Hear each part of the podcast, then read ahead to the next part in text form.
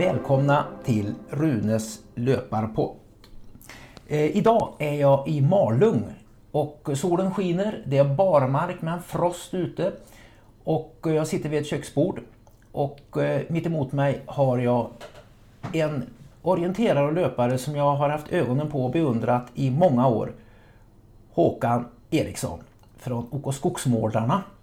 Och eh, han har förutom att ha haft en väldigt, väldigt bra orienteringskarriär även flera andra karriärer. Bland annat är han idag vad jag skulle tro Sveriges bästa veteranlöpare.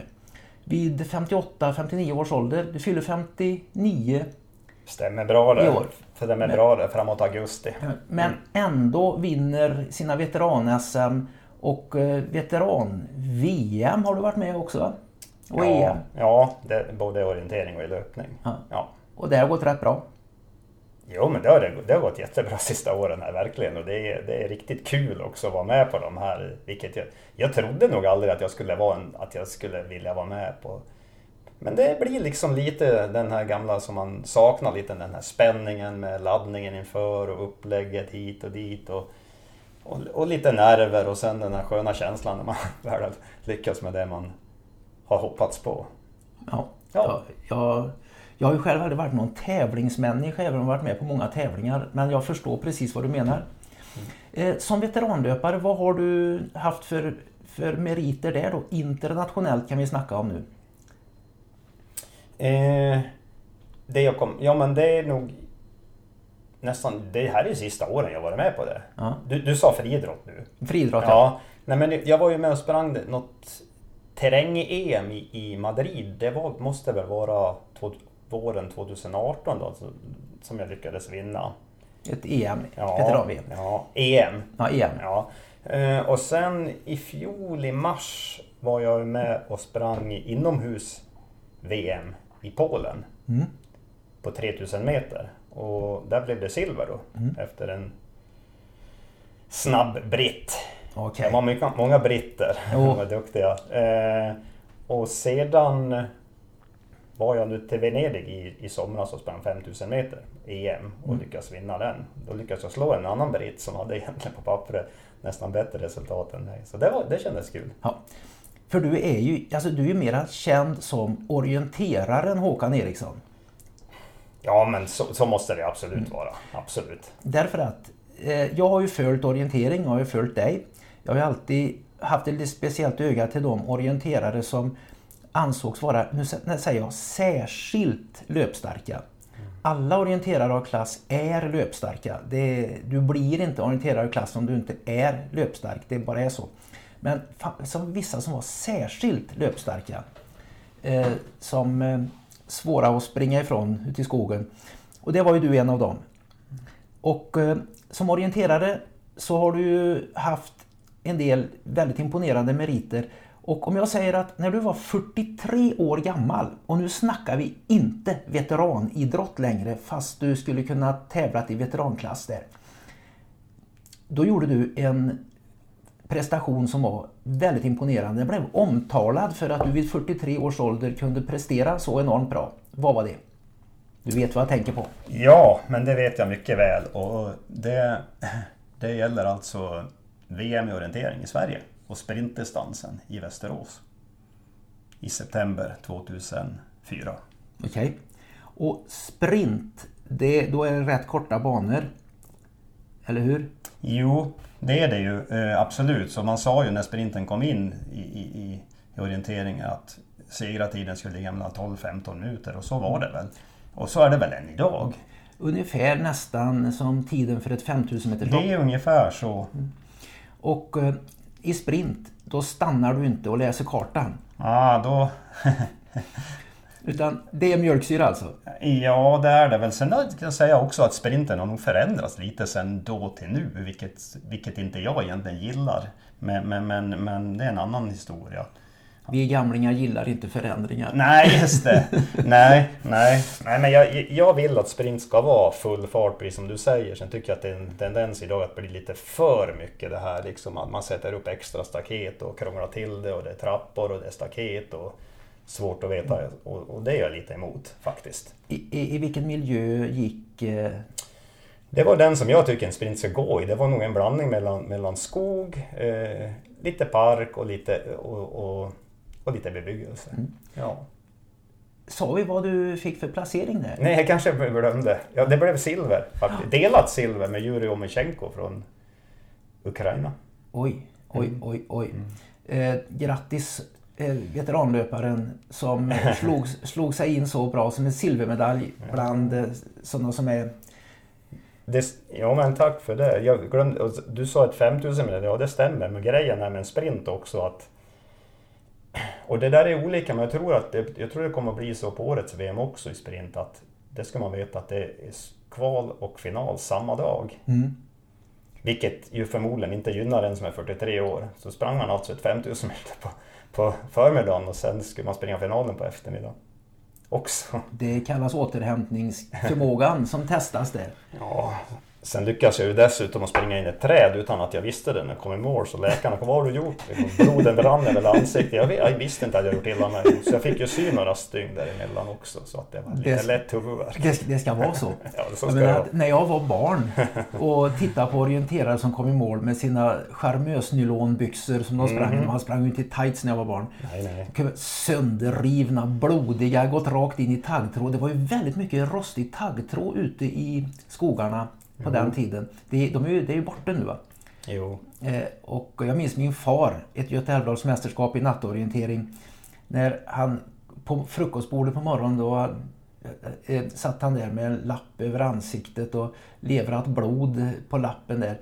Då hade han sett en taggtråd blänka på en äng och tänkte att äh, jag dyker under men det blev inget blänk i den rostiga tråden så han slet bort halva näsan där. Det tycker jag var hedervärt. Ja. Yes, så där ska det vara. Nej då, jag har nog minsann märken efter taggtråd. Jag, ja. Både här och där. Jodå. Men rakt in i ett träd. Ja men det måste väl ha varit något sånt då. Du minns, du minns inte när det hände? Eh... Och ändå måste du sy? Ja. Det kallas koncentration. Förmodligen. Du måste varit enormt koncentrerad ja, på... Ja, jag var enormt fokuserad och jag visste ju att det här är ju... På något vis tyckte jag själv också att jag förtjänade en individuell VM-medalj. Tror jag. Och jag, var, jag skulle bara ha den liksom, men det var... Mm. Herregud, det var tajt alltså. Jag själv var ju två och en halv sekund efter, men det var ju lika tajt bakom. Två och en halv efter bakom? Mm. Vem var det som vann? Faktiskt en, en som inte är uppväxt så långt från dina trakter, Niklas Jonasson. Okej. Okay. Mm. Tävlande för? Ja, alltså då tävlade han ju för Sverige. Jo, jo naturligtvis. Ja, ja, men det är alltså från Bengtsfors någonstans. Bengtsfors? Ja. Det var väldigt. Mm. Och han måste ju varit grymt löpstark han också då för att det är ju, sprinten är ju, det, det, är ju, det är ju löpstyrka och sen får du inte missa någonting. Nej. Och inte tveka. Ja, Tvekan dödar. Och det var, men det var ju liksom sekunder ner till alla. Även de här, han Shoshu var ju i början på hans karriär ja. var med och han var ju bara sekunder efter. Och flera svenskar så det var tajt. Hur löpstark är Shoshu?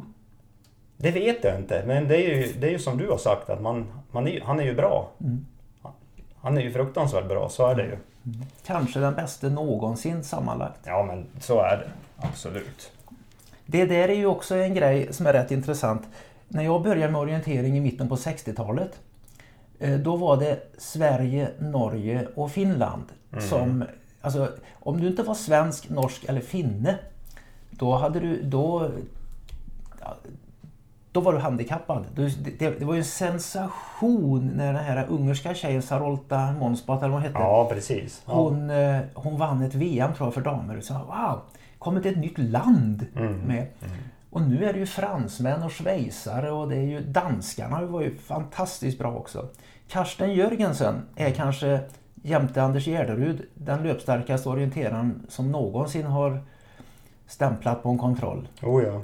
Och han vann ett EM i terräng. Ja. Och då snackar vi inte veteran Han har gjort 27 och vad då på 10 000? Ja, osäker, men jag tror det är omkring svenska rekordet. Typ 55 eller någonting. Jag tror ja. det är där. Jag är lite osäker på den. Ja. Han bodde ju i Trollhättan där jag bor. Han eh, gjorde någon slags ja, för civilingenjörsutbildning mm. eh, avhandling på Volvo Aero på den tiden. Ja, ja. ja just. Man såg den här springa. Det syns när en sån kommer och springer. Jo. Mycket tunn kille.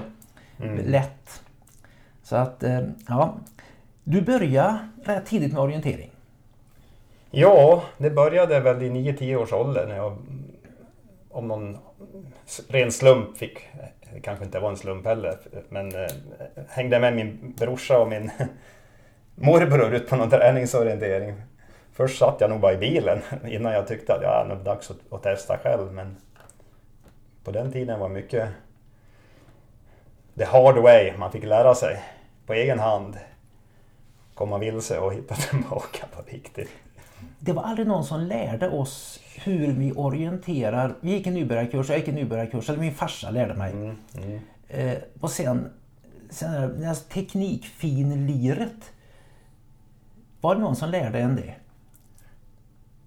Nej, det är nog väldigt olika. Det är nog samma med mig. Jag gick väl också en nybörjarkurs men sen har man nog lärt sig, självlärt mycket och många misstag. Ja, i så fall skulle jag vara professor i orientering. Det var, nej, men du var en, när, när började din så att säga, orienteringskarriär ta fart? Då? men jag gjorde, liksom, jag gjorde nog bara någon vann någon, ibland någon pojkklass möjligen när jag var 12 eller någonting sådär. Och sen vet jag när jag var äldst i 13-14 klassen så då gick det nog väldigt bra några eh, perioder och vann många tävlingar och så. Och sen även när jag var 16 när man är äldst. Det är ju skillnad. Det är ju så när man är, om man är 15 eller 16. Och nu är du ju äldst i den 55 till 60, 55 59 klassen. Ja, men nu är det ju precis tyvärr tvärtom. Så. Ja, jag vet. Ja. Mm. Och eh, sen började du tävla. När, kom du, när började du få landslagsuppdrag? Mm, det första jag var med på, jag var ju, jag har ju, ja, det skulle vi behöva sitta här i två dagar om vi skulle berätta allting. Men, men det var ju så här att jag var ju höll på med orienteringen naturligtvis, men sen, samtidigt höll jag på med skidåkning, längdåkning lika mycket. Precis lika mycket. Jag tävlade mycket på det och fick ja, väldigt bra framgångar där också. Nu får jag uppmana dig att berätta för jag tror att du lite håller tillbaka. Eh, hur bra skidåkare var du då? Nej, men jag, ja, jag, jag var bra, så var det. Eh, det vill jag nog påstå att jag kanske var i alla fall topp tre i Sverige, det tror jag när jag var 16 år. Okej. Okay. Vilka var de andra som du tävlade mot då? Det kan vara intressant för att de har vi kanske hört talas om i VM och OS-sammanhang. Ja då, nej men ett namn som ni kommer ihåg det är nog en som heter Ingemar Sömska jag tänker på. Tony Pöll, det känner alla säkert till. Är det från ja. Vetlanda eller vad är det han är? Mm, precis. Jag är, jag är lite dålig exakt var, var det kommer ifrån men, men eh, så var det ju och sen eh, det var han så många duktiga. Benny Fredlund från Kristinehamn och han kanske inte har varit så, så att han har varit med på. Men ändå inte någon av dem som... Eh, jo, jag vet vem, en som jag kan säga som jag tror ni känner igen allihop. Men nu var ju han ett år yngre än mig då. Ja. Men han var ju ganska långt efter också på den tiden, ja. lustigt nog. Han, heter, ja. han är, bor inte så långt från mig. Han heter Gunde Svan. Alltså, alltså han? Den tävlade du mot i de klasserna? Ja. Och slog? Ja, det gjorde jag faktiskt. Det jag säga. Okej, vad kommer det sig att Gunde utvecklades till att bli eh, den skidåkare han blev med olympiska medaljer och varför fortsatte inte du förmodligen då satsa sig stenhårt på skidor? Mm. Eh. Jag tror med Gundes fall är det faktiskt så. Jag vet att jag har någon gammalt kort på mig och Gunde när jag är 14 och han 13. Han är liksom han är huvudet kortare än mig och ser jätteliten och spinkig ut mot mig. Jag ser jättebiffig ut och jag är väl inte jättebiffig kanske. Så att jag tror att han har en ganska sen utveckling och sen han tog det nog inte så jätteallvarligt. Jag kommer ihåg en episod när jag träffade Gunde efter något Svealandsmästerskap då, som, i Nås som jag vann ganska överlägset. Och det, på den tiden var det ganska mycket, det var liksom 150 skidåkare med på ett Svealands. Och Gunde kanske blev 14 eller 17 eller någonting i den här klassen. Och pratade i omklädningsrum och, och det, han pratade om mopeder. Och det visade att han hade 13 eller 14 mopeder hemma oh. som han hade på att skruva. så att han, han hade nog han hade mycket på sin lyra men sen blev det nog fart för honom. Nu ska inte jag svara för Gunde men, men, men, men så var det och sen, ja, alla vet ju resten. Jodå. Men du hade ju bevisligen väldigt bra talang för skidåkning också. Du, du, det som har präglat dig har ju varit att du har haft en väldig talang för just konditionsidrott. Ja, så verkar det nog ja. Mm. Och eh, du slutade förädla den på skidor och Ja, det gjorde jag. Och, ja, det kan jag väl säga att jag många gånger har funderat varför gjorde jag det liksom. Och det var nog någon... Och kanske ångrat lite också. Men, men, men det var någon typ av liten revolt tror jag hemma också. Min pappa ville ju jättegärna att jag åka skidor och så här. Och jag ville gå min egen väg. Och, och lite sådana grejer som, som avgjorde tror jag. Ja. För eh, Lars-Erik Nilsson som har gjort 27.58 på 10 000 meter. Han var ju med på en av de första poddarna jag gjorde. Han var ju också en av Sveriges bästa skidåkare. Han är ju född eh, 1900, när var det? Vi är födda samma år. Ni är födda samma år. Vi har tävlat mot varandra. Det har ni. Mm. Vem brukar vinna? På skidor har jag nog... Jag tror att jag säga utan Lars-Erik på det här, att jag tror aldrig jag fått stryk av Lars-Erik på skidor. Oj. Och aldrig slagit han i löpning. Nej. Ändå har du varit en väldigt, väldigt bra löpare. Eh, Så att eh, du parallellt med orienteringen så började du tävla i löpning. Ibland. När det liksom andan föll på. Eller hur? Eh, vänta, nu, nu hängde inte jag med. Vad frågar du? Eh, Okej, du satsar mera på... Jag, jag, jag, tar, jag, jag går tillbaka lite då. Ja, ja. Alltså, Gunde Svan, han blev ju skidmiljonär. Det fanns pengar Jo, att tjäna jo, på skidor. Jo, exakt. idag finns det ju ännu mer än på Ja. Gundes tid. Mm. Eh, eh, orienterare på den tiden, det var ju fattigfolk om man säger så. Fast alla hade ju väldigt bra civila karriärer som de försörjde sig på. Det, var ju, det fanns ju knappt några proffs i orienteringen. Det var ju nästan stötande 1980 när eh, där O-ringen hade gått i Örebro. Och klubbarna där hade dratt in bra med pengar. Och de skulle göra ett eh, nästan halvproffsstall med Jajamän. Kjell Lauri och vilka det var det nu mer. Jörgen Mårtensson. Jörgen Mortensson det gänget. Ja. Och jag kommer ihåg vilket uppror det var i Orienterar Sverige. Vi ska inte ha några proffs. Vad ska det vara för stjärnor? Ja, det är väl visst. ingenting att vara proffs i orientering. Mm. Folk var liksom nästan förbannade för det där. Oh ja. Det väldigt... väldigt... Bara det att de skulle vara halvproffs. Ja. De skulle ju inte bli förmögna på det. Men på skidor, där kunde du köpa ett rejält skogsskifte under din karriär och ha som pensionsförsäkring. Eh, Ändå Precis. väljer du en sån sport där du inte kan tjäna några pengar. Det tyder på lite hjärtat fanns någon ställe. Ja, förmodligen. Det är svårt idag att säga vad som gjorde det egentligen, men det... Mm, det var nog lite det jag sa där, att det blev lite, lite egen revolt där. Att ja, men... Eh, så, men det är väl lite det man kanske kan ha liksom eh, ångrat lite i efterhand. då. Men sen, å andra sidan så gör jag inte det heller, för att det... Jag tycker fortfarande att orienteringen är det roligaste som finns att tävla i, liksom. När allting fungerar. Jag, jag tycker faktiskt det också. Jag springer en direktanmälningsbana om året. Okej. Ja. eh, och är ute bra länge. Ja. Jag vet att 1900, år 2001 då sprang jag en direktanmälningsbana. Det var när Vikingaträffen gick hemma i Trollhättan. Och eh, jag sprang och eh, 9, komma någonting eh, på direktanmälning där. Och jag har inte sprungit någonting på flera år. Och etta blev ju Karsten Jörgensen då. Jag vet inte sjutton om inte han vann något VM-guld också, dansken. Han som sprang eh, 10 000 under 28 minuter. Tvåa Arto Rautiainen, eller om det var tvärtom. Ja. Eh, där. Och så jag. Och det var första gången jag stämplade så elektroniskt. Så jag fattade ju ingenting. Var är mina stiftklämmor? Var är mitt startkort? Då hade jag en sån här grej i näven då. Ja. Och så, jag, jag sprang ju och yrade så det var ju helt otroligt. Så kom jag i mål. Och så, vad gör jag nu? frågar jag. Sitter en där i målet. Och så säger han att, ja du ska stoppa in den här. Och så säger han, få, fick jag någon sluttid nu? Då tittar han på skärmen och säger han, om du fick, det här räcker till två sluttider. Okej, ja. Ja, ja. Så kan det gå. ja, och det var lite stickspår. Mm. Jag gillar stickspår.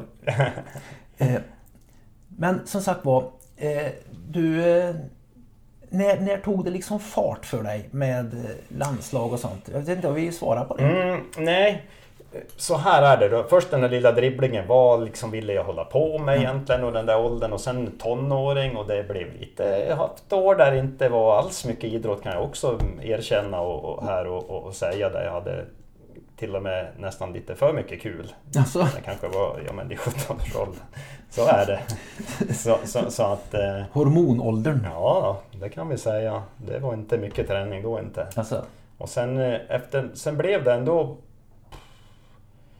Naturligtvis höll jag i liksom idrottandet på någon nivå, liksom, det gjorde jag. Men det som gjorde, det var nog att när jag skulle till lumpen, in i lumpen i Falun, så, så sökte jag till idrottspluton, men jag kom ju inte in. Och det var ju för att jag misskött mig där, just den perioden.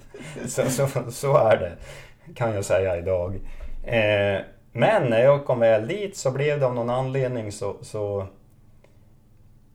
skärpte jag till mig lite ändå fast jag låg på, att jag inte var på idrottsplanen. Sen vet jag, var jag nere någonstans i dina trakter och sprang ett SM då för juniorer och blev jag vet inte om jag blev 12 eller någonting, kanske inte låter så imponerande men då hade jag liksom inte tränat alls jättemycket och det lustiga var att jag slog flera av de som låg på idrottspluton. Mm. Så helt sonika gick jag in till, knackade på hos befälen där på idrottsplan och visade dem det där. Och, ja, jag vet inte hur jag vågade det idag, det måste jag säga, men, men så gjorde jag och det, det slutade ju på så vis att de kom till mig och knackade på. Ja men du, du får flytta över till oss nu. Och det, då hade jag varit på den så kallade vanliga pluton där några veckor. Så att efter en lång snirklig väg så hamnade jag på idrottspluton och där var min vändning. Där Det var var min definitiva vändning. Annars vet inte jag vad det kunde ha blivit. Nej. Det, det, det ska jag vara ärlig och säga. Och jag, jag, där tog träningen fart på riktigt. Och det gick ganska fort då tyckte jag. Ja. Du hade ju en grund. Jag hade väl det. Så, så jag vet, det där är, nu pratar vi ju 80 ungefär. Och redan 81 så blev jag tvåa och vann en etapp bland annat på O-ringen i Hälsingland i H20 Elit. Oj, Ja. Så, så absolut. Jag, jag, jag vill säga att, att lumpen, idrottsbetonen, var, det var där det tog fart. ja, Det, blev man. som en, det var som att vända en hand för mig. Och så lägger, har de vett att lägga ner, eh, eller ovett ska jag säga, lägga ner den allmänna värnplikten. Ja, ja precis. Sen var jag väl inte jättenoga med själva värnplikten om jag ska vara ärlig. Nej, det var mer en liten, ett litet inpass. Men jag, Ja. jag, jag själv, eh, jag skulle säga att jag skulle inte vilja ha min militärtjänst ogjord. För Nej, den den samma här. fo- formade ju mig något alldeles väldigt. Mm. Inte så mycket att man, man blev ju sämre idrottsman under den tiden man låg inne men man ble, fick ett, ett mycket, mycket hårdare psyke och fick andra referenser. Jo, Där. Jag håller med fullständigt. Ja, det var en, O-ringen har du varit med på ett antal gånger. ja, det har jag. Men jag vet inte hur många. Men det har gått bra. Ja, det har det gjort. Jag har... Och det var väl min allra... Det var väl liksom verkliga genombrott. Det var ju, vann jag ju O-ringen 83. 1983 i Småland innan jag fyllt 22 år ens. Och det- Wow. Så det var ju... Och det var ju... Och det var ju... Jag, ja, det, ingen fattar någonting då. Det, inte, inte jag själv heller. Eh, sprang jag i mål. Tycker jag sprungit bra men åkte hem och allting. Och sen ringde jag. "Ja, Varför var du inte kvar på presskonferensen? Vadå? Du vann ju. Ja, okej. Fattar ingenting. Dag två, samma sak och ännu mer chockad. Och på den vägen var det. Så, ja, Ja. Nej, det, var, det var en fantastisk upplevelse. Ja. Du har alltså, sen hade du en orienteringskarriär till 43 års ålder på landslagsnivå då? Ja, det kan man säga. Så att, men väldigt kort och, så, och sen vann jag ju ett O-ringen till också i Västmanland 91. Och sen var jag tvåa och någonting något annat år också. Och två tiomilssegrar med OK Tyr från Karlstad. Det är Oj. väl nästan de allra största minnena faktiskt från orienteringen. Vilken sträcka brukar du springa? Ja, det var ju sista då. Sista? Ja, så det var ju enorma upplevelser där att- att möta lagkompisarna i Ja, målfållan. Det kan tänka mig det. Ja. Eh, Det är väl ingen som slog dig i spurten där? Det ju vara något speciellt. Ja, För det var ju det, helt- det fanns säkert någon som kunde, men jag var ju i en riktig spurtsida en gång med Allan Mogensen från Södertälje. Så att det, men den lyckas vi ju ta då, året efter. Vi vann ju 89-90 de två åren. Wow. Så du har inte tävlat för skogsmålarna hela tiden? Nej. Jag tävlade i Fokotyr i Karlstad då från 88 till 95. Men bodde kvar i Malung? Jag bodde kvar här, så blev det för att jag var väldigt beroende, tror jag, av att, att kunna åka skidor riktigt på vintern och så. Mm. Som en grundträning. Och, och vintrarna i Karlstad vid Vänern är ju inte de bästa. Nej, det är säkert bättre här. Jo. Hur mycket skidor åkte du då? Och hur mycket sprang du på, för att bygga upp den löpstyrkan som du sen fick? Jag åkte jättemycket skidor på den tiden. Grundträning ja. på skidor? Ja, det var nog till och med med och sprang. åkte något lopp någon gång. Men det var ju inte på den nivån som jag hade varit. Utan men jag åkte något långlopp och så. Då. Men, men eh... Om vi snackar grundträning. För det här är ju någon, en grej som jag eh, förmodligen tjatar om alldeles för mycket egentligen. Så är det ju periodiseringen av träning för löpare. Mm. Eh, du måste ju ha periodiserat ganska naturligt då i och med att du låg och malde en massa, fick väldigt många timmars träning på vinter, vintern med mycket löpning, med mycket skidor. Jo men precis och det är väl en som, även om jag har haft mina skador med en sand och slitit av hälsenor bland annat så tror jag väl ändå genom, genom alla år att jag klarar mig ganska bra och det har jag nog att tacka skidåkningen för. Och, eh, någonting som, som för mig vet har varit otroligt bra träning det är ju liksom att åka skidor klassiskt på, i kuperad terräng liksom i backar. Det, liksom, det var ju något bättre för syreupptagning går knappt att få tag i tror jag. Nej, det är som fartläggsträning. Ja. Ostrukturerat när det kommer på mm. Mm. pulshöjningar och vila och sånt. Jag tror stenhårt på det. Jag, jag tror alltså mera på fartlek för den som vet hur man tränar så. Eh, än på ren intervall. På grund av att det blir bättre kommunikation med kroppen. Och att det är inte lika så att säga, strukturerat. Om man inte är lagd åt detta att man mår jättebra av struktur. Eh, det stämmer nog. Det Sen absolut. när snön började smälta här då. Då gick du över på att träna löpning mycket mer. Ja, men alltså jag sprang ju också nu. Alltså nu vi pratar nu seniorålder alltså. Ja. Så jag sprang jag ju på vintern också, absolut. Gjorde det. Och det förstår jag att du gjorde. Men, men, men förmodligen inte jättemycket om jag börjar titta. Det var nog säkert veckor som det kanske bara blev två löppass på vintern. Mm. Och som resten skidor? Ja, det kan det nog säkert vara. Hur mycket tid la du på en träningsvecka på vintern? Grundträningen? Det är ju, alltså jag har egentligen aldrig tränat mycket i volym. Jag, jag tränar ofta och det gör jag än idag. Men, men, men, så jag är nu, jag men, de skrattar ju åt mig, norrmännen som, som tränade över 100 timmar i månaden. Och jag var jättenöjd när man kom upp i 60 i månaden. Det tyckte jag var bra. Ett par timmar om dagen är dock ja. 60 timmar. Ja. Och det var liksom, det var inte många gånger jag kom upp i det. Nej. Du är rätt lätt i kroppen. Hyfsat i alla fall. Mm. Eh, jag har också en teori om att, att ju större du är i kroppen, ju tyngre du är, desto mer träning behöver du. Jag är inte säker på det. Jag kan ändra åsikt om detta och överbevisas hur lätt som helst om någon, kan, om någon vill försöka. Men av någon anledning så har jag kommit att tro just på det att... Alltså jag har sett ett mönster. Att större, tyngre löpare behöver mer träning. För att kroppen ska reagera på träning. Jag vet inte. Mm, nej, det, ja. Intressant analys och tyvärr har jag nog inget svar på det. Men, men, men, det kan säkert ligga någonting i det. Ja, men som jag säger att, att ja. jag är väldigt mycket amatörtyckare. Jo, jo, jo. Och jag vet om att jag tycker och att jag tror och anar. Mm. Men det är en sån här grej jag anar. Mm. Att just att eh, lättare personer har, eh, behöver mindre träning.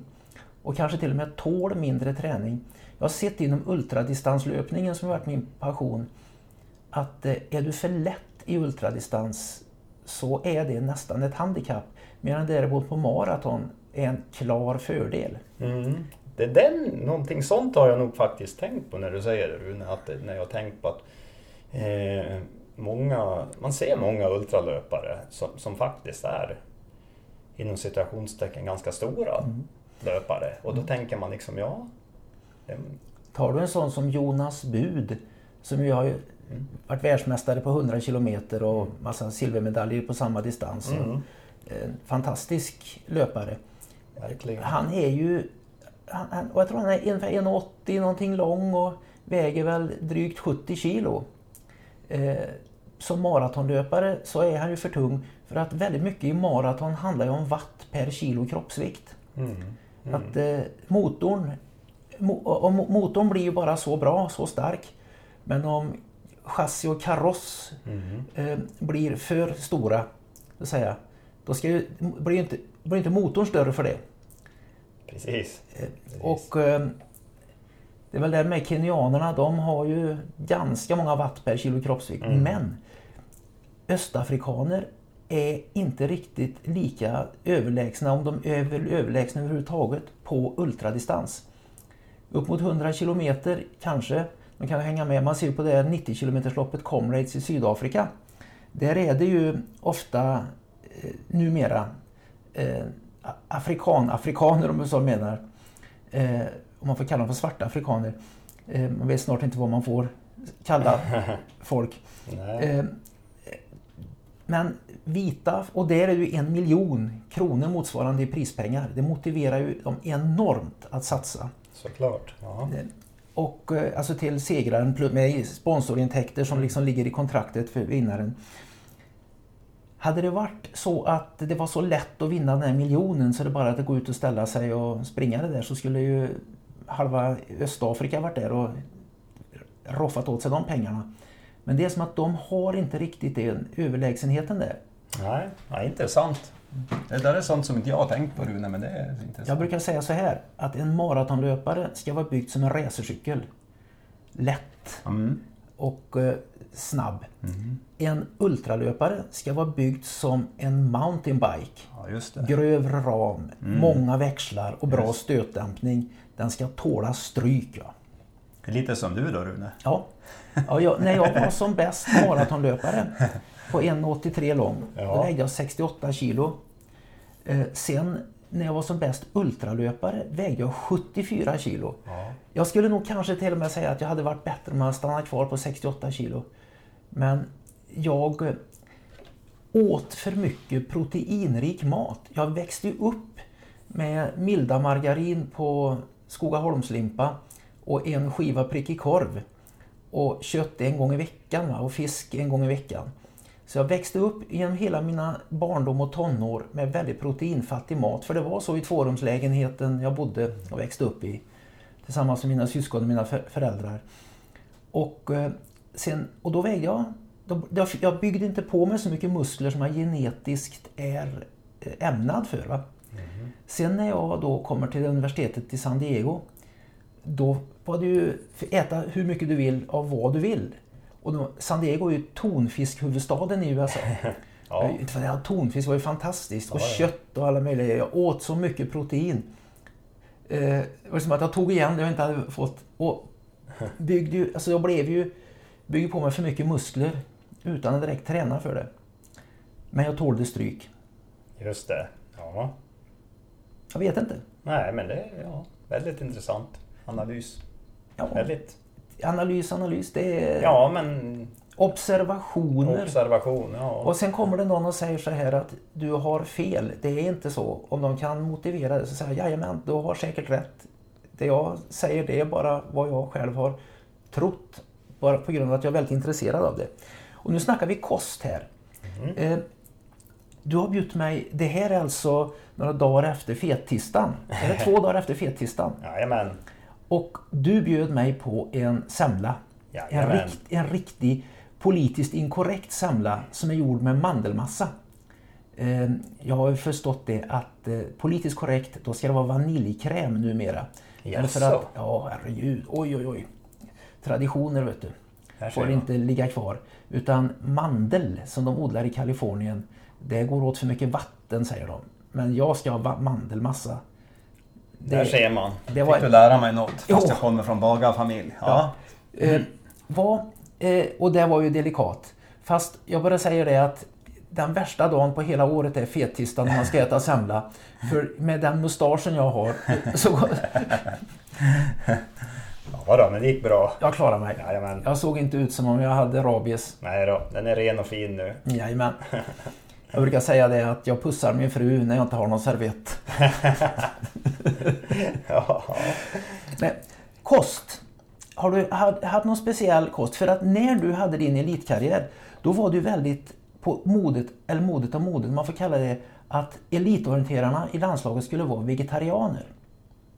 Du hade ju Jörgen Mårtensson vegetarian, var det Stefan Brandt? Jajamän. Det var han som drog igång det här Ja, vegetarianismen. men det han hade väl någon slags tarmsjukdom Ja. som gjorde att han var tvungen till det. Har du haft någon kost, kost någon speciell ko- in, kostinriktning? Nej, det har jag egentligen inte haft. Utan, men, på den tiden som du pratar om nu då så... så ja, det är lite lustigt. Jag fick ju också en sån där släng. Jo, jo, man skulle vara vegetarian. Det där var nog i samband med idrottspluton då. Kom hem till min mamma och sa nu ska jag bli vegetarian för det är så bra. Och jag tror det höll i en dag. Nej. Jo, jag tror det. Men det lustiga i hela... Nu pratar jag 1980. Min mamma, hon fortsatte. Så hon är fortfarande vegetarian idag. Oj. Lustigt nog. Så så blev det. Men själv var, var jag inte inne på det. Det, det passade inte mig. Men...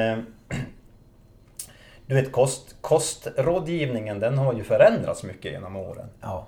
Så, så jag vet ju en sak som jag vet man har gjort. Jag har gjort många, många fel i min karriär. Som man skulle jättegärna vilja göra om. Men en av dem är att man åt ju på tok för mycket. Liksom det här. Det skulle ju, man, det, man trodde ju i princip att det räckte att koka spaghetti och på lite ketchup så då var det bra för då man äter kolhydrater. Pasta Bangladesh. Ja, ja, ja. Så att vi, vi, det, man åt ju alldeles för mycket pasta och, och, och sånt på den tiden. Alldeles för mycket. Det var det. Du, du var med andra ord en California vegetarian. Det, jag, jag, jag kom ju 1980 kom jag ju till ett universitet i San Diego. Och eh, ja, fick, fick lära känna kalifornier. Som har ett speciellt folkslag av den amerikanska folkstammen om man nu kan prata om det. Ja. Och då var det en tjej, vi pratade om kost och här saker. Och det var en tjej som sa I'm a vegetarian. I only eat meat on Sundays. Okej, ja, ja, men den är ju bra. Ja. Det var inte som de vegetarianerna och veganerna som man träffade på i maratonlöpningen på 70-talet. De var ju veganer och veget- åt, ja, jag vet inte om de åt något överhuvudtaget.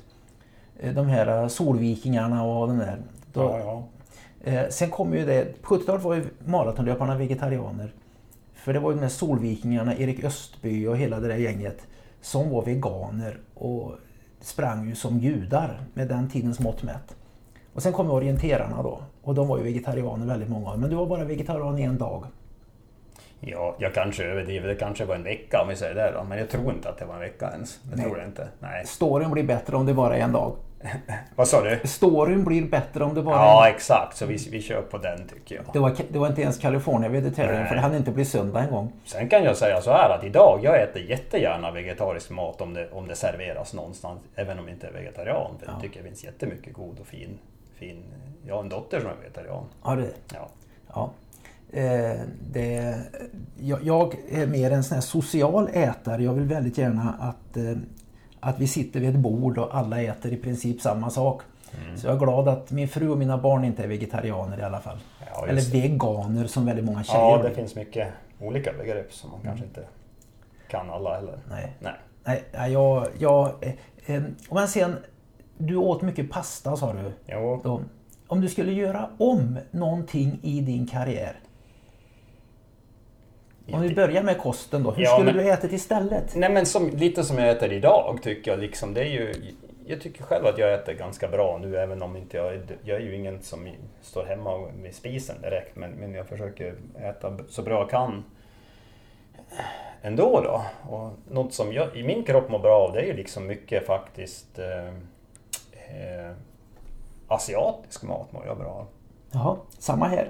Eh, det, det äter jag väldigt mycket. Mm. Eller snarare var dag. Så, Ja.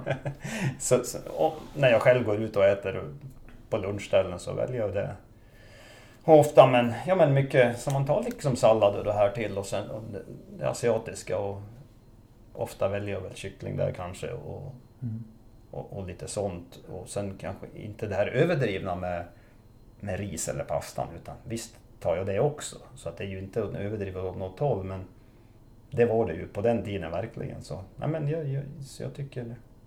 Sen kanske inte fanns det utbudet riktigt då heller, det, det kommer jag inte ihåg. Nej. Men, men, men på den tiden var det ju liksom köttfärssås och tre portioner spagetti liksom. Jag var 24 år när jag åt mitt livs första hamburgare. Ja, ja det kommer inte jag ihåg när jag åt men jag kommer ihåg det. Ja. Det kom... Det- Jag kommer ihåg det för det var när jag var i USA. Vi hade sprungit ett eh, 10 kilometers terränglopp i Riverside i California. Mm. På vägen hem skulle vi stanna och käka hamburgare. Och jag fick ångest. För då skulle man, det var inte som du, på en hamburgare, du bara beställer en meny. Utan då skulle man komponentbygga hamburgaren. Ja, ja. Och sen visste jag Just. inte, jag, är dålig på engelska. För jag hade precis landat i Amerika. Do you want lettuce? Jag vet inte vad lettuce var. Nej. Då fick de förklara att, jaha är det det som är salladsblad? You want det och det och det och det? Jag har ingen aning. Mm. Så gör någonting bara så äter jag. Jodå, de kan ganska snabba rabbla där också. Om man ska servera. Ja, så att eh, det, det var ju lite ångest. Men eh, eh, du, du, träningsmässigt då, med din karriär, skulle du gjort annorlunda? Definitivt. Hur? Nej men det, ja, jag, hade, jag, jag har aldrig haft en tränare egentligen. Nej. Aldrig någonsin. Men det, det är intressant. Det, det hade egentligen inte Kjell-Erik Ståhl. Jag tror att Lars-Erik Nilsson också var väldigt självtränad. Jag har aldrig haft en tränare. Vi hade en tränare på universitetet men han var smart nog att, att låta oss träna efter eget huvud. Han hade inte det här narcissistiska behovet av att gå in och styra och säga att det var han som gjorde oss bra. Nej men precis. Nej men det är ju, alltså det, i grunden så tror jag väl jag tränar ganska vettigt. mm, Tror jag. Men sen är det vissa gånger kanske man skulle ha behövt eh, Ja men speciellt dagar efter tävling. För på den här tiden, vi pratar 80-90-tal. Så sprang vi ju orienteringen var ju ofta liksom, det var ju två tävlingar per helg liksom. Och då, nu, då pratar vi inga sprint utan då var det ju 90-100 minuter på lördagen och 90-100 på söndag liksom. Sen gick man på på måndagen och tränade ändå liksom ganska tufft sen. Och liksom att sådana där, att man hade varit lite smartare med återhämtning och kanske lite smartare med, inför tävlingar. Något fel som jag vet att jag alltid har gjort och kan, kan få en tendens av än idag.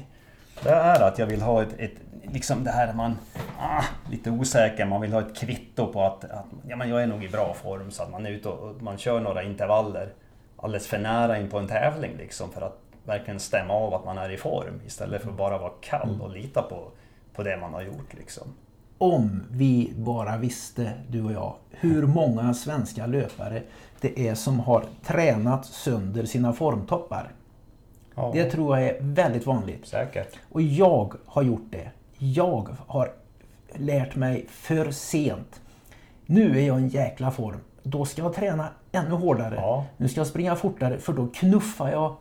Nu, nu kan jag kan träna så här hårt i det tempot och på de distanserna. Då kan jag få ännu bättre träningseffekt ur ett träningspass. Vad jag inte fattar var att jag brände mina formtoppar. Och det är det. Där, där har jag gjort precis den tror jag gjort bort mig på många gånger. Och hade, hade kunnat ha fått ännu bättre resultat än vad jag har haft. Hur mycket tränar du i ren rå skogsterräng, obanat, under eh, säsong? Pratar du... Eh, pratar du min riktiga elitkarriär eller pratar du nu? Både och kan vi ta. Ja, nej men... Under en period då så tränade jag nog lite för lite i skogen kanske. Men å andra sidan sprang man ju otroligt mycket tävlingar också som i sig gav mycket träning. Så det, det, jag har nog lite svårt att säga det men väldigt grovt så skulle jag kunna tänka mig att det blir, att det blir ungefär eh, 50-50 skulle jag säga. Ja. Ja. Jag hade ju en period då jag tränade för ett lopp som aldrig skulle bli av. Eller som aldrig kom att bli av. The Great Wall Run i Kina. Ja. Eh, så att ni, vinter 1991, det var ju en underbar vinter hemma i Trollhättan och trakten däromkring. Det var ju barvinter. Det var ju frost och fruset men ingen snö. Så att jag sprang, för anledningen var att jag sprang så mycket obanat. Det var det att The Great Wall Run skulle gå stora delar på kinesiska muren. Och det vi ser av kinesiska muren på ett turistbild, det är ju en väldigt kort sträcka av muren. Det mesta är ju igenvuxet, ofta raserat. Och eh, då sa de att det kommer att vara väldigt ojämnt underlag. Det kom mycket brant upp för mycket brant ner för tistlar, lite buskar och såna här saker. Jag Okej. tänker att här gäller det att springa väldigt mycket i obanad terräng. Ja. Och gammal orienterare, jag älskar ju det ändå. Så att jag la nog kanske mycket mer än hälften av all min distans, 20 mil i veckan, lovar jag på. Jag kanske sprang 12-14 mil i veckan i obanad terräng och körde mycket fartlek i obanad terräng. Ja. Och jag tror att jag aldrig varit bättre löpare än då. Nej, men. För som jag sprang, jag, jag var outtröttlig och kom i en enorm form. Och jag, jag kunde komma ut på en grusväg och plötsligt så bara benen drog iväg med mig. Jag tänkte att vänta lite, nu, det är inte normalt att springa så här fort, jag måste sakta ner. Och sen plötsligt drog benen iväg med mig igen. Ja. Men en intressant grej var att jag är gammal idrottslärare och vi körde, tränade, eh, övade, visade sådana här vertikalhopp. Va? Man tar en krita på en, Just. där och sen så ser man hur högt man kan rita strecket ovanför. Och jag har alltid haft ett dåligt vertikalhopp. Men under den vintern när jag tränade så mycket i obanad terräng då höjde jag mitt vertikalhopp med eh, ja, kanske en decimeter nästan. Mycket. Okej. Och det var ju det att i obanad terräng, du kommer till en ojämnhet. Du trycker ifrån va. Där är det lite ojämnt. Eh, Stegen blir väldigt olika och du Jo, får... jo. Du, du kan inte hasa dig fram. Nej, men det blir väl någon typ av naturlig spänsträning helt enkelt. Och därför så är jag, har jag undrat ofta, vad kan vi långdistanslöpare, för jag säger vi trots att jag har en förflutet som orienterare, eh, vad kan vi lära av orienterarna när det gäller löpträning? Jo men det är nog säkert lite det att våga gå utanför sin box så att säga. Att, att våga sig ut på lite mer. Sen vet jag att människor och liksom oroliga att man ska vricka sig och Så, men man får väl ta det pö om pö och lära sig in i det lite. Och, och, så att, jag- och jag tycker ju kroppen mår bra av just det här du säger, det här att inte varje steg är lika. För jag spring, ställer jag mig och springer på en, en platt väg liksom, jag, jag, jag blir ju liksom, jag menar 10 kilometer tycker jag att man börjar bli, få ont på det här och där liksom. Just det här att man har det här monotona steget liksom. Mm. Det är jätteintressant. Eh, jag önskar ju, jag har försökt uppmana många löpare att till exempel, ska du köra ett, istället för ett intervallpass, nu, nu låter det som jag är helt intervallfientlig men jag vill bara belysa andra alternativ eftersom jag själv har praktiserat alternativen. Vill du köra en riktig syreupptagningsträning där du får vristspänst, råstyrka och också motorik så letar man upp en, och det gjorde jag flera gånger, till exempel en ås eller en kulle där det inte är, är allt för risigt, allt för mycket undervegetation eller stenigt. Och, utan det får vara blåbärsris och ljung och du vet sånt där. Va? Och lite, inte helt slätt naturligtvis. Eh, och där sprang jag fartlek i kors och tvärs över den där kullen. Jag kunde bli kvar på kullen eller åsen i 20 minuter och trycka på uppför och eh, ta det lugnt utför eller snabbt utför, ta det lugnt på platten, trycka på uppför. Så att det, det där var en otroligt bra träning. Man låg på, jag, jag har inte haft mycket pulsmätare på mig. Men då kunde jag ligga på hög puls mycket längre än på fartleks, vanlig fartleksträning på stig och väg. Mm. Nej men det, det där låter precis som något som jag skulle kunna ha gjort eller kan göra. Så det, jag har haft mycket sån träning bara som du säger naturlig intervall. Jag sprungit rakt upp i bergen här hemifrån mig bara och pusha på uppför och sen tar det lite lugnare och sen upp för nästa berg och sen lite så. Kommer du, du har ju hört om de gamla orienterarna. Eh, det fanns en träningsform som heter ryck i backe. Har du hört? Ja, just det. Det var ju det, eh, jag vet jag lyssnade på, ett av första träningsföredrag jag lyssnade på, det var eh, Björn Ekblom, fysiologen, och den orienteringslegendaren från Västergötland, Pontus Karlsson, Mullsjö SOK. Han borde vara över 90 år nu tror jag. Men, eh, eh, och, och de pratar om, om ryck i backe, eller ryck i backe, som han Ja. sa Pontus Karlsson på västgötska. Jag rekommenderar ryck i backe. Mm. Och Pontus var ju väldigt löpstark också, en bra skidåkare med. Eh, Och det, det var ju det att när du kommer till en backe, då rycker du. Och sen fortsätter du att springa vanligt distanstempo och nästa backe så rycker du. Ja. Så, sånt har jag tränat mycket. Ja. Fast det hette inte ryck i backe Nej, då du gjorde det. nej. Utan det hette något annat. Ja, det var bara... Du, Eller också hette det ingenting utan Nej. man bara körde. du vet, idag så är det ju, så är ju det som kallas för trail en stor grej. På våran tid, eller på att säga, du, du har ju din tid nu. Min tid är ju passé. Eh, då hette det istället terränglöpning. Precis. Nu heter det trail. Jajamän. Alltså terränglöpning har gjort en klassresa, Ja, skulle jag vilja påstå. exakt. Från att det var gamla eh, finnar i långkalsonger och på bomullskortbyxor utanpå där och till eh, gubbar och någon, någon eh, skidåkare or, or, eller orienterare eller banlöpare som körde det liksom när det inte, de inte hade säsong. Precis. Så är det numera nu är det alltså en kommersiell industri. Ja, verkligen. Och nu lär de ut trailteknik. Mm. Vem lärde dig springa så fort i obanad terräng? Ja, Vilka kurser gick du? Hur mycket fick du betala för råden? ja exakt. De var väldigt billiga kan jag säga. E- egen erfarenhet bara. Känner du någon orienterare som har liksom behövt eh, ha instruktioner för att lära sig hur du springer obanat? Nej, det tror jag inte. Nej. Nej, det lär man sig från Det barnsben. lär man sig. Och, och från barnsben, du kan lära dig i vuxen ålder Ja, absolut. också.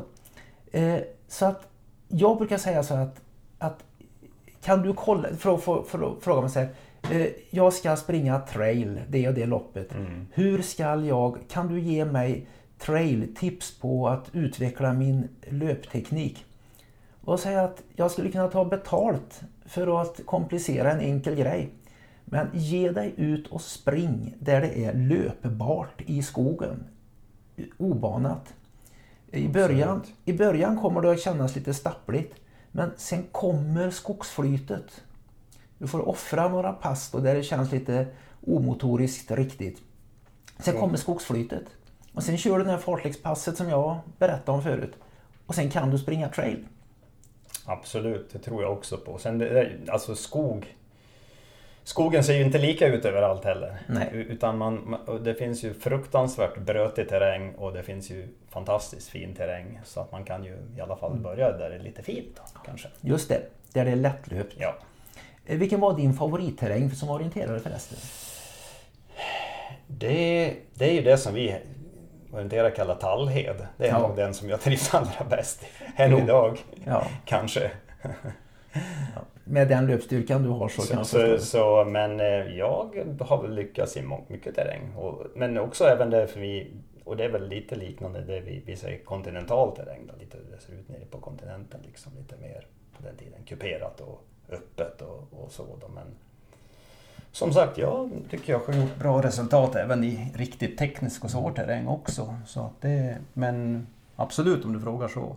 Sen har jag ett, ett, ett, eh, ett element som jag gillar allra mest av allting. Det är myr, myrlöpning. Och det har vi inte pratat om. Och där har du också liksom ett fantastiskt träningselement. Ja men du, eh, jag vet inte, jag har gett dig min eh, bok Löparglädje. Jag tror, jag, Jajamän. tror du fick den. Ja, Där skriver jag ju mycket om mosslöpning. ja, Alltså ett sånt underskattat träningsredskap en mosse är. fan, fantastiskt är det. Det är otroligt. Ja. Eh, vad man, alltså varför springer inte löpare mer mosse? Ja, de är rädda för att skita ner sig. Eller att bli blöta. Eller så är det att mossen är någonting som bara ligger där. Och, eh, ja, det är ju den bästa träningsmiljön för alternativträning. Antag att du har för många, många skador som man har Mm. så tror jag att ja, du kan inte springa väg, du kan inte springa stig, men ut i mossen kan du springa. Precis. Det är många, faktiskt många skador som, som jag tror att man i alla fall törs våga, eller testa i alla fall. Så, och, och titta hur det känns liksom, i en myr. En myr. Till exempel en hälsena är ju fantastiskt Ja. om du hittar en fin myr. Ja. Här uppe har ni andra sorters myror. Jo, det har vi ju också. Så att så är det ju. Så här har vi ju, är det torrt ute så är det ju ibland nästan att springa på en äng. Om det är riktigt torrt ute. Och, det är liksom, men, och även lite sådana hängmyrar. Det är ju liksom absoluta favorit. Vi har ju våra Träningar. högmossar eller torvmossar nere i Västsverige jag kommer ifrån. Mm. Och jag tror jag har sprungit igenom varenda mosse i min hembygd med stor behållning och glädje. Precis. Och alltså, du kan inte få flyt i löpningen om du inte får upp pulsen. Ja, du får upp pulsen för att, för att få det där flytet så då, det, det, det känns alltså. Jo men så är det. Men så, och ett annat som myren då, om du nu vill testa lite obanat, för myre får vi väl kalla obanat ändå. Ja. Så, så, så är, tycker jag också att det är ett ställe där du... Det är nästan svårt att göra illa sig i en myr om man säger så. ja, det går att ramla på näsan där, det känns exakt. ju inte. Nej. Så att på det viset är den också bra. Ja. Det kanske är det rådet vi skulle ge dem som vill lära sig löpteknik för, eh, för just eh, Obanat. obanat. Ja men Att det är en leta- bra tanke. Leta upp en myr. Det behöver inte vara när det är som blötast. Nej, Det kan ju vara att det blir klafs klafs. Men när det är lite torrare. precis. Leta upp en myr, mosse och ge er ut och eh, eh, provspring där ute lite. Det tar, kan ta några pass innan den sitter. Men sen har ni ett träningsredskap som är helt fantastiskt. Det känns lite konstigt när man kommer ut på väg efter en 40 minuter i mossen. Jo, så är det. Men eh, det går över på några hundra meter. Exakt. Nej, Nej, det, det tycker jag. Det, ja, det kan jag förespråka. Ja. Eh, du har ju alltså sprungit 10 000 på bana väldigt fort. Jag vet inte om det är väldigt fort. Det är väl någon grej som man, också som man ångrar lite att det inte blev lite mer. För det blev ju så. Jag satsade ju på orientering och det blev ju något enstaka lopp jag sprang och utan någon, någon utan annat. Ja men ingen riktig uppladdning överhuvudtaget för loppen utan man bara sprang då. Och riktigt och naturligtvis dåligt upplägg på loppet också då men man visste inte hur fort man skulle springa. Och, så att det så det hade jag väl gärna kunnat springa lite fortare än vad jag har gjort. Men du var ett stycke under 30 minuter på milen. Ja, men det var inte mycket. Jag hade 29.40 en gång i Kil vet jag. Helt På bana. bedrövligt upplägg. Ja. Ja, men 29,40 Håkan, det, Ja, det, det, det, det skäms inte för sig. Nej, det Men- var väl bra som en orienterare. Så, men, men det var, jag vet jag sprang något millopp på väg också i Södertälje faktiskt. En midnattslopp som var dock 10 meter för kort. Men den, det är nog det bästa loppet jag gjort. Det hade jag 28.58. Det blir väl typ 29 blankt om man lägger till för 10 meter. När var detta? När var du som löpstarkast? Det här var Det här var lite lustigt när du säger det, för den här i, i Södertälje, det var faktiskt en... Det var ju nämligen Södertälje, IFK Södertälje som det hette på den tiden, som jag spurtade ifrån på det här 10 milat 1990. Mogensen. Och Allan Mogensen, ja. Precis. Han som var en väldigt bra löpare. Ja, precis. Och eh, det där, jag vet inte om det var ledarna eller om det var han själv eller hur det var så, så blev ju det där lite, så tror jag att de skulle... Då ville, han ville ha revansch. Så då bjöd de in mig till det där loppet i Södertälje som de arrangerade. Mina lopp i Södertälje. Men det, tyvärr för honom så var det nog bästa formen jag var hela mitt liv just på det loppet. Vilket år var det ungefär? 90. 90. Eh, och eh, eh, där vann du då? Ja, det gjorde jag. Okej. Så att eh, det var i princip, det blev nästan som ett sololopp då för dig? Vet du, jag kommer inte riktigt ihåg Rune. Ja, jag kommer ihåg alla mina personbästa. Ja, okej. Ja, men... eh, Mm, De är viktiga. Ja, nej, jag kommer inte riktigt ihåg. Nej. Men förmodligen var det så. Alltså. Mm. Som orienterare då så var du kapabel att göra ner mot, utan, utan att vi någonsin behöver ta till överord, låga 29 på 10 000. Vilket ju är svensk landslags finkampsklass ska vi säga. Mm. Idag med marginal. Inte dumt. Nej då, nej då. 5 000 då? Nej, i princip aldrig sprungit. På, men, mm, jo, det har jag gjort, men återigen inte bra. Så jag tror jag sprungit... Det var nog ett junior-DM som det hette, även om man var 22 år. Totalt solo. På 14, 15, 14, 18. 14, 15, 14, 18 inte bra. Men, nej, men förstår du, så det, det är lite sådär man känner att man... Men det är ju så, det man... Jag hade orienteringen och det blev fokus på den så det gick ju inte att, Nej. Och få till den andra också, det, delen. Det... Och maraton har du aldrig provat? jo, allt för många gånger. Jaså? ja, men jag gjorde väl några tafatta försök, men maraton är för långt för mig. Det är det? Ja. Ja, det är du för en del. Ja. Faktiskt. Jag, ärligt talat så är det, är det nog faktiskt nästan hellre... Jag skulle nog egentligen varit medeldistans om jag ska vara riktigt ärlig. Ja. 1500. ja. Och det har du sprungit? Nej, på träning en gång. Men du som veteranlöpare då? Du är, jag vill kalla att du är Sveriges kanske bästa veteranlöpare idag. Eh, kan finnas någon som vill försöka göra dig rannen stridig men du har ju vunnit EM i terräng, veteran-EM, massa veteran-SM och veteran... Vad, vad, vad, var det veteran-VM du vann också i någonting eller? Eller var det bara EM? Bara? Ja, det var det. Jag var ju silver här på inomhus-EM i Mm. Polen i, Ja. i fjol då, efter en britt då, på 3000. Då. Så, Och det kanske skulle varit dina distanser då? ja, men 1500-3000 absolut. Och framförallt någonting, och det kan jag ju ångra att man aldrig blev att man provade. Men det finns, finns ju ingen bana här, aldrig funnits en bana här. Eller det finns en, men det är ju inte, som vi kan knappt kalla en bana, men 3000 meter hinder är ju något som man på den tiden man var spänstig också kanske skulle ha testat. Ja men det är ju orienterare vet du. Ja men precis, så att- det, så det är lite synd. Flyta Men, fram men så är det. över, över skogarna, Ja. skogarna. Ja, Du har eh, eh, nu blivit då, du är snart 60 om något år. Eh, hur tränar du idag som veteranlöpare? ja, jag tränar väl egentligen som man inte borde göra tycker jag. Okej? Nej men du, du pratade periodisering förut här och, och liksom Jag har nog blivit lite mer så att jag, jag tränar nästan lika året runt nu med. Ja.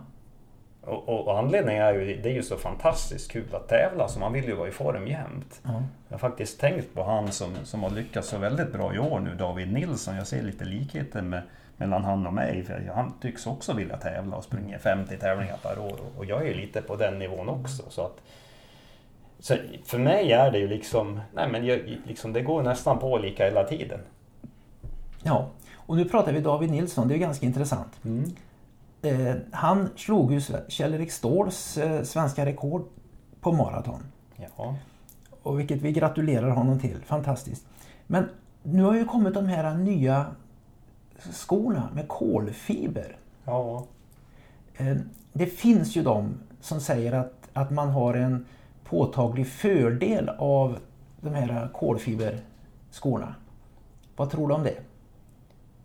Jo, men så är det väl förmodligen. Och sen har jag dåligt, lite för dåligt. Jag har ett par själv. Eh, eh, som jag dock inte har tävlat i och knappt tränat i heller än. För att de är väl mer avsedda för väg och det inte riktigt passar. Men, men, men, men sen är det ju så att de här som de har slagit de här rekorden i. Och, och, eller rekord, men han som gick under två timmar. De är väl förbjudna från och med nu om jag fattar det rätt. Tror du att det förbudet kommer att bestå? Eh, Kan man hindra utvecklingen? Ah. Kommer folk att acceptera att eh, det finns bättre grejer men vi får inte använda dem?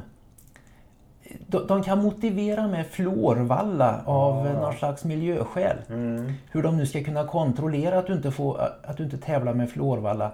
Men med kolfiberskor. Ja, nej, det är en Intressant och svår fråga.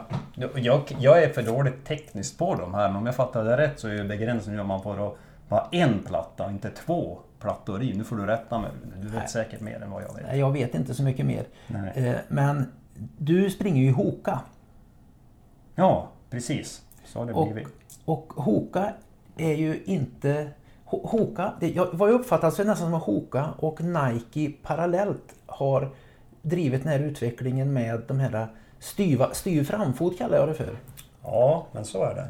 Vad gillar du att springa med Hokas eh, racerskor då med kolfiber? Alltså ärligt talat, jag har inte sprungit några tävlingar i sådana här. Nej, men alltså, du har ju säkert varit ute och frestat lite med dem på vägen kanske. Ja, ja, nej, men det blir ju också med någonting du lär vänja med. Det är lite en annorlunda känsla. Man känner nog kanske lite att jag skjuter på så lite. Men, men, men sen om jag springer fortare med dem, det vet jag inte. Men som sagt, jag har aldrig tävlat i de skorna. Jag har trott sedan 1983 att styv framfot är grejen. Och varför det inte har kommit förrän nu har jag aldrig förstått. Därför att 1983, då var det när jag bodde i San Diego. Där var det en väldigt bra löpare som var också väldigt tekniskt intresserad, Terry Cotton.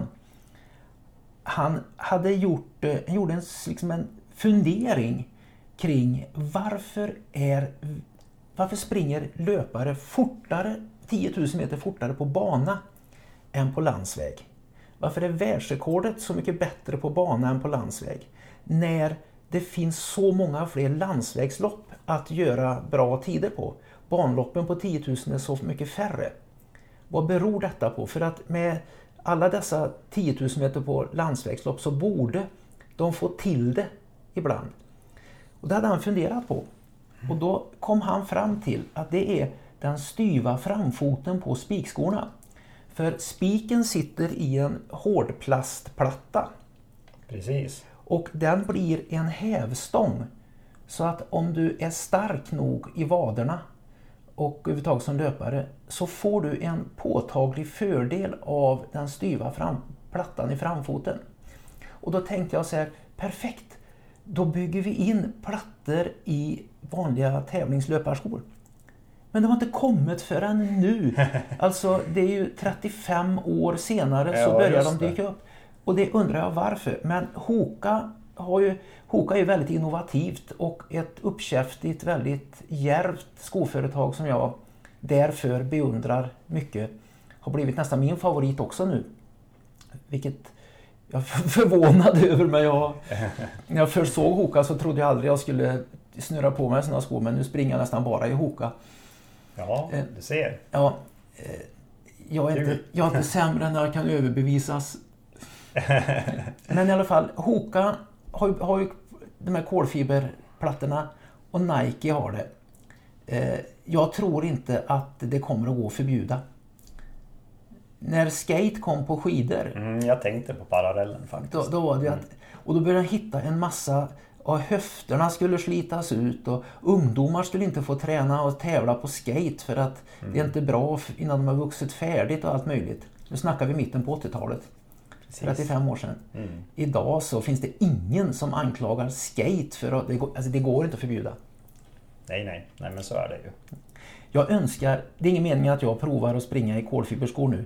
Jag är för svag, jag är för gammal, för seg. Men hade Hokas kolfiberskor funnits eh, för 20 år sedan när jag ännu kunde springa något sånär. Kan jag, skulle jag gått till Team Sportia i Trollhättan och om inte de hade dem hemma så jag beställt dem. Tveklöst. Ja, ja. Bara för att testa. Hade de för, för 30 år sedan så hade jag inte motstått dem då heller. Men varför skulle det ta så lång tid innan någon vågar bygga in kolfiberplattor i skor? Ja, märkligt. Det... Du skulle ha drivit utvecklingen Rune. Du, jag ska tala om för dig att utveckling eh, har jag varit enormt intresserad av. Jag har varit eh, lite nördig på det. Och framförallt med träningsmetoder och med material och sådana grejer. Och min dröm var att eh, få mycket bättre resurser på att driva utvecklingen i ultradistans i Sverige. Mm. Med det kontaktnät jag höll på att bygga upp och kontaktnät internationellt, jag kände väldigt många kontaktnät med eh, det som finns av resurser i Sverige. Du har ju via, jag jobbar ju med att se till så att jag fick ju så här att om inte ultralöparna i Sverige har en kravprofil kan inte Jonas Bud få elitstöd av Riksidrottsförbundet. Klart att Jonas Bud skulle ha det. Han eh, slog ju mina svenska rekord på 100 kilometer. Ja, just det. Eh, mm. det, det, det, det. Då är han liksom värd vad som helst efter det. Just. Eh, det var jag och som heter Kent Sjölund som tjatade in honom rätt, lite på det. Nej, jag orienterar, tycker inte om att springa iväg men ja, ja, ja jag tror inte han ångrar sig. Han hade kanske kommit på det själv. Men då fick jag, när vi gjorde den här kravprofilen, och det var alltså ett omfattande arbete. Vi åkte kors och tvärs genom Sverige eh, och eh, träffade psykologer och fysiologer och allt möjligt. Och så skrev vi ner, vi har några stycken där, eh, en kravprofil. Det var som en mindre avhandling. Men då kände jag att wow, vilka resurser det finns, vilka kontakter jag har skapat här. Tänk att få använda dem eh, till att bygga upp någonting med svensk ultra på elitsidan då. Men tyvärr blev det inte så för att eh, jag tror det var ett, att ultragänget där inte... Jag tror inte de ville... Jag vet inte, jag vet inte vad det beror på men de tackade nej till mig i alla fall. Okej. Och nu vet jag nu tror jag inte de har någon. Ja, det är väl märkligt. Ja, det har jag funderat på i fem år. Varför? Varför det Ja, det blev. Men, men, men tänk med det intresset jag har för utvecklingen. Alla Precis. dessa små detaljer. Sån här, Ja, och få göra det. Det hade varit min dröm. För det höll jag ju nästan på med redan. Men i alla fall. Det, nu är du då, ja, nästa år är du 60. Ja, är det så? Ja, så ja, är det. Jag har kollat.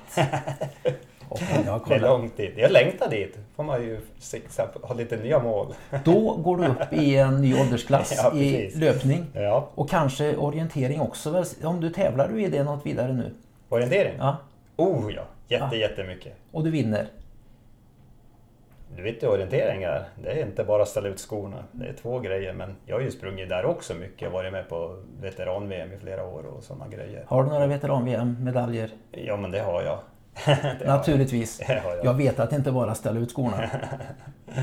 Springer du orientering i Hoka också förresten? Eh, nej, inte än vill jag säga. Men det, de har ju skor som i princip, men inte kanske riktigt på plats att springa i för tuff orienteringsterräng. Men som vi pratar Tallhed har de absolut sådana lätta terrängskor som, som funkar. För det är ju också en myt som jag vill ta död på när man pratar Hoka, om vi nu får prata skor. Så, såna, nu har ju Hoka, det har ju en revolution här i Sverige, det går ju som aldrig förr. Men eh, fortfarande finns det ju de som kanske tycker det är en ny sko och- då Hoka har de där stora klumpiga säger de. Ja, det var nog så de kom, men det finns ju otroligt mycket. Det finns ju hur många modeller som helst och de lättaste är ju otroligt lätta. De som jag springer när jag tävlar i till exempel. på. Mina första Hoka var ett par, ett par Clayton. Ja, okej. Ja. Eh, De såg ju klumpiga ut. ja, ja, visst. Men tänkte att ja, ja, alla andra springer ju Hoka. Eh, Så många kan ju inte ha fel utav ultralöparna. Då provade jag på Clayton. Och så kände jag det. att, att sjutton, de är ju inte alls så tjocka. Det är ju bara att de var uppdragna Ja, på precis. sidorna där. Va? Ja, som en ram runt ja. Istället var det ju en fantastisk löpkänsla i dem måste jag säga. Jo.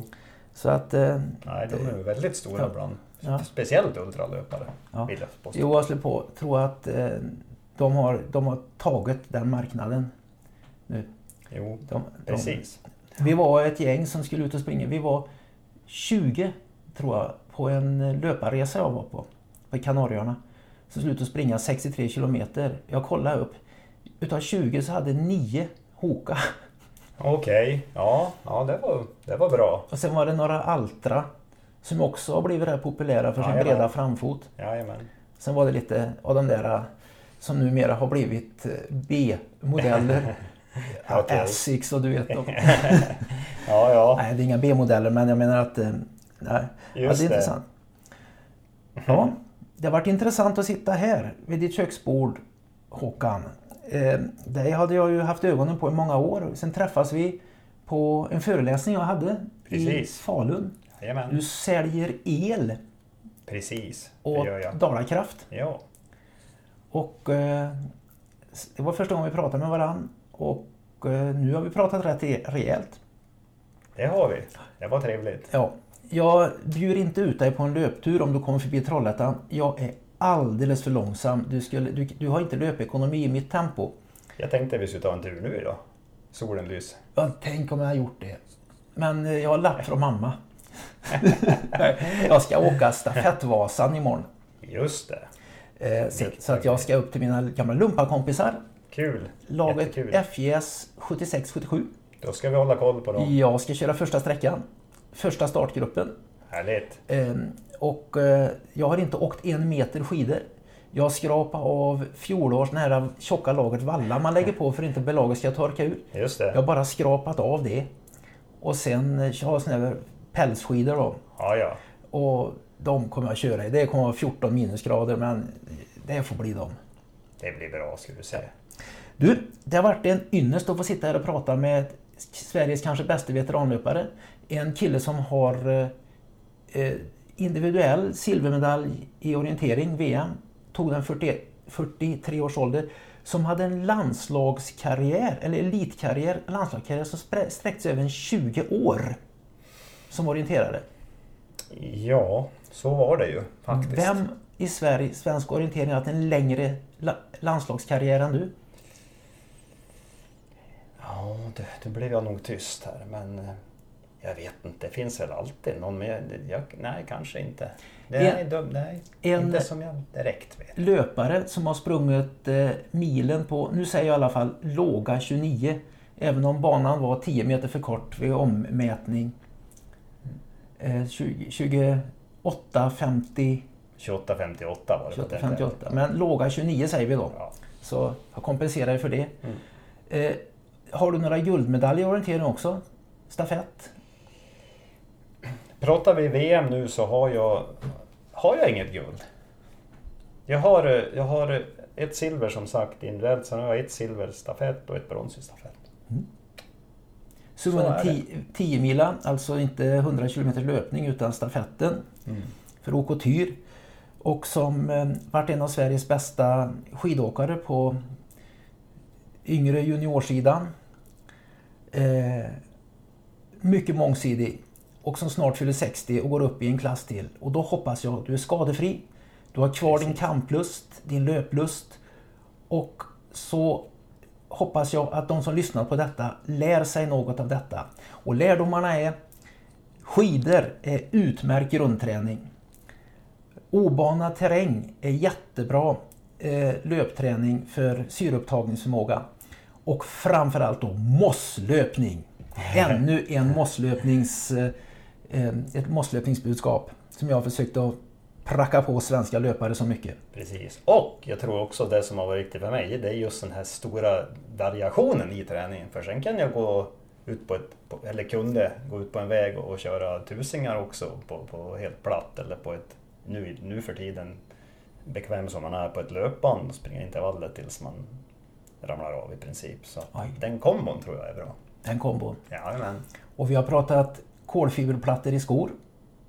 Det har vi gjort. Du har ännu inte bildat dig uppfattningen om att Nej, dess tyvärr. överlägsenhet? Nej, men jag måste, den, den, den, det är bra du påminner för den, det ska jag experimentera med. Absolut, och ja, är, är du bara och du har starka, tillräckligt starka vader, vadmuskler, då då kommer du att få den här hävstångseffekten. Det tror jag nästan helt säkert.